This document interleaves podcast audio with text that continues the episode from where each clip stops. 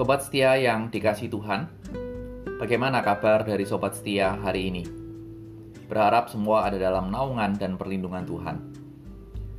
Pada kesempatan ini sekali lagi saya mengajak untuk kita semua mendoakan bagi tenaga medis yang ada di Wisma Atlet dan juga untuk pasien-pasien yang ada di sana. Biarlah Tuhan boleh memberikan kesehatan dan kekuatan.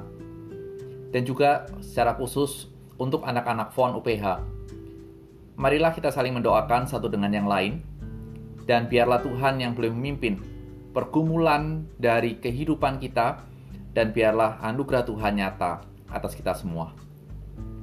Hari ini, Selasa 29 September tahun 2020, kita akan melanjutkan pembahasan kita dari Injil Lukas pasal yang ke-46 sampai dengan 56. Dan tema yang saya berikan adalah siapa yang terhebat atau dalam percakapan bahasa orang-orang Papua adalah siapa yang paling jago di sini. Mari kita membaca Lukas terlebih dahulu.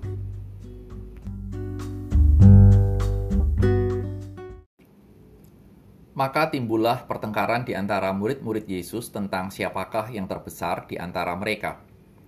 Tetapi Yesus mengetahui pikiran mereka, karena itu, ia mengambil seorang anak kecil dan menempatkannya di sampingnya, dan berkata kepada mereka, Barang siapa menyambut anak ini di dalam namaku, ia menyambut aku. Dan barang siapa menyambut aku, ia menyambut dia yang mengutus aku. Karena yang terkecil di antara kamu sekalian, dialah yang terbesar. Yohanes berkata, Guru, kami lihat seorang mengusir setan demi namamu. Lalu kami mencegah orang itu, karena ia bukan pengikut kita. Yesus berkata kepadanya, "Jangan kamu cegah, sebab barang siapa tidak melawan kamu, ia ada di pihak kamu." Ketika hampir genap waktunya Yesus diangkat ke surga, ia mengarahkan pandangannya untuk pergi ke Yerusalem. Dan ia mengirim beberapa utusan mendahului dia. Mereka itu pergi, lalu masuk ke suatu desa orang Samaria untuk mempersiapkan segala sesuatu baginya. Tetapi orang Samaria itu tidak mau menerima dia, karena perjalanannya menuju Yerusalem. Ketika kedua muridnya, yaitu Yakobus dan Yohanes, melihat hal itu, mereka berkata, "Tuhan, apakah Engkau mau supaya kami menyuruh api turun dari langit untuk membinasakan mereka?" Akan tetapi ia berpaling dan menegur mereka, lalu mereka pergi ke desa yang lain.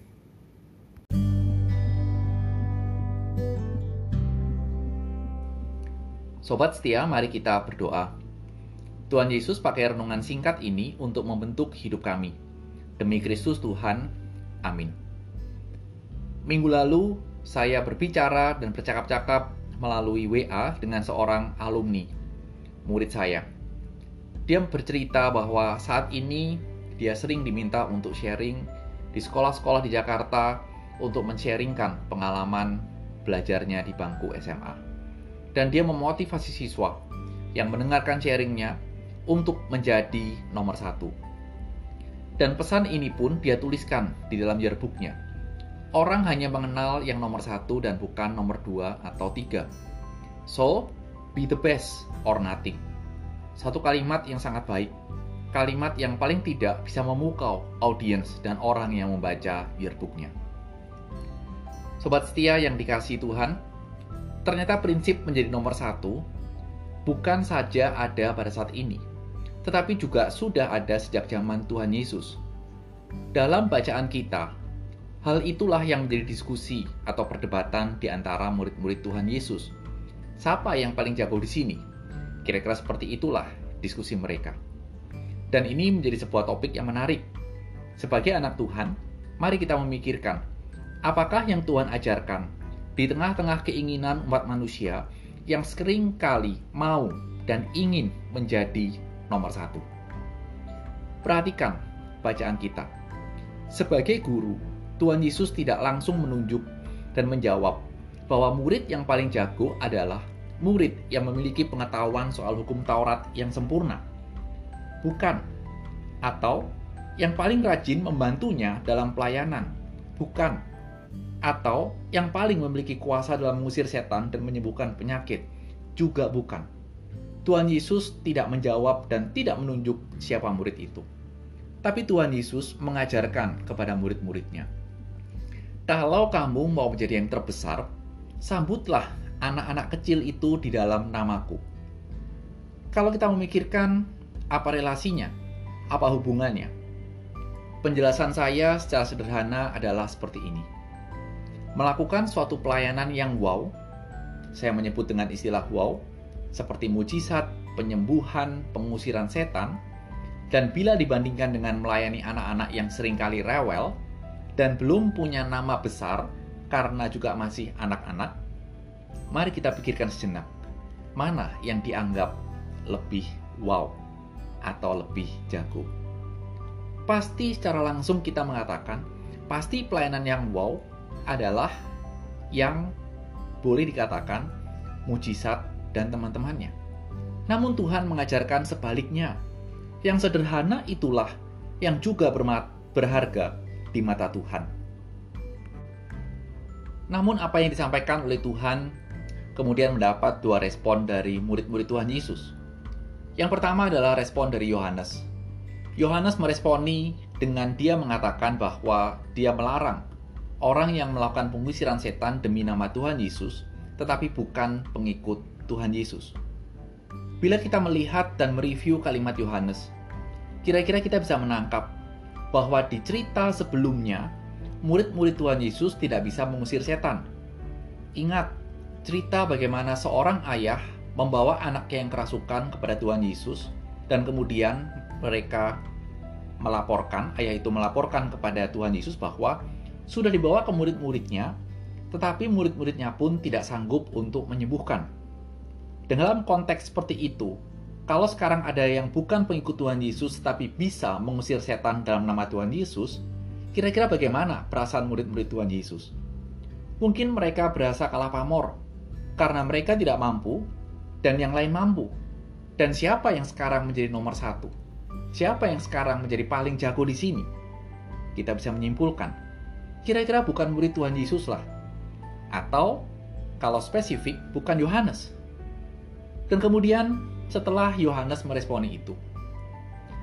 Respon yang kedua adalah ketika Yohanes dan Yakobus menceritakan bagaimana penolakan orang-orang Samaria. Dan dengan penolakan itu, mereka mengusulkan bahwa akan menurunkan api dari langit untuk membinasakan mereka. Bukankah ini sebuah peristiwa yang luar biasa kalau sampai hal itu terjadi? Ingat, bagaimana Tuhan menurunkan api ke dalam peristiwa Sodom dan Gomora. Dan kita melihat bahwa belum pernah lagi atau kita belum menemukan bagian mana dalam firman Tuhan yang mencatat peristiwa seperti Sodom dan Gomora. Dan kalau sampai murid-murid Tuhan Yesus melakukan itu, maka menjadi satu hal yang perlu kita lihat. Siapa yang paling jago saat ini? Sehingga seolah-olah mereka ingin mengatakan bahwa tidak ada yang bisa menandingi mereka. Namun lihat respon dari Tuhan Yesus. Tuhan Yesus tidak mengizinkan mereka melakukan hal itu. Mengapa? Karena kalau mau menjadi yang paling hebat, rasanya tidak ada yang bisa menandingi guru mereka, yaitu siapa? Tuhan Yesus. Perhatikan, semua setan yang berjumpa dengan Tuhan Yesus luluh lantah, tidak berdaya. Alam yang tidak mungkin ditaklukkan tunduk dan taat kepada Tuhan. Sakit penyakit yang menahun, yang tak kunjung sembuh, lenyap seketika ketika Tuhan menyembuhkan. Dan bukan saja itu, Tuhan mati di kayu salib dan bangkit pada hari yang ketiga, dan tidak pernah mati lagi, dan sekarang duduk di sebelah kanan Allah Bapa di surga. Siapa yang paling jago? Tentunya adalah guru mereka, Tuhan Yesus sendiri. Tetapi Tuhan melarang. Dan kemudian Tuhan melarang dan setelah itu Tuhan mengajak murid-muridnya untuk pergi ke desa, melayani dan memberitakan Injil Kerajaan Allah. Mari kita berhenti sejenak di cerita ini dan kita memikirkan, mengapa Tuhan melakukan semuanya itu? Bukankah dia yang paling jago? Betul. Kita mendapat paling tidak sebuah jawaban dari Yohanes pasal yang ketiga bahwa begitu besar kasih Allah akan dunia ini, dan Allah mengutus anaknya untuk menyelamatkan umat manusia dari kebinasaan. Itulah yang dilakukan oleh Tuhan Yesus. Oleh karena itu, ini adalah sebuah refleksi singkat bagi kita semua. Bahwa Tuhan Yesus tidak memanggil murid-muridnya untuk menjadi yang paling jago sejagat raya. Tetapi ingat, Tuhan Yesus memanggil murid-muridnya untuk memberitakan Injil Kerajaan Allah di dalam dunia ini. Untuk menyatakan kasih Allah ke dalam dunia ini.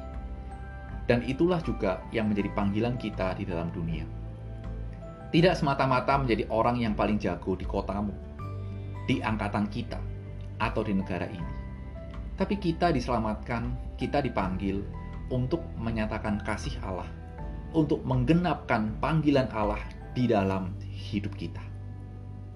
Sobat setia yang dikasih Tuhan, selamat hari Selasa dan selamat menggenapi, menggenapi panggilan Allah dalam hidupmu.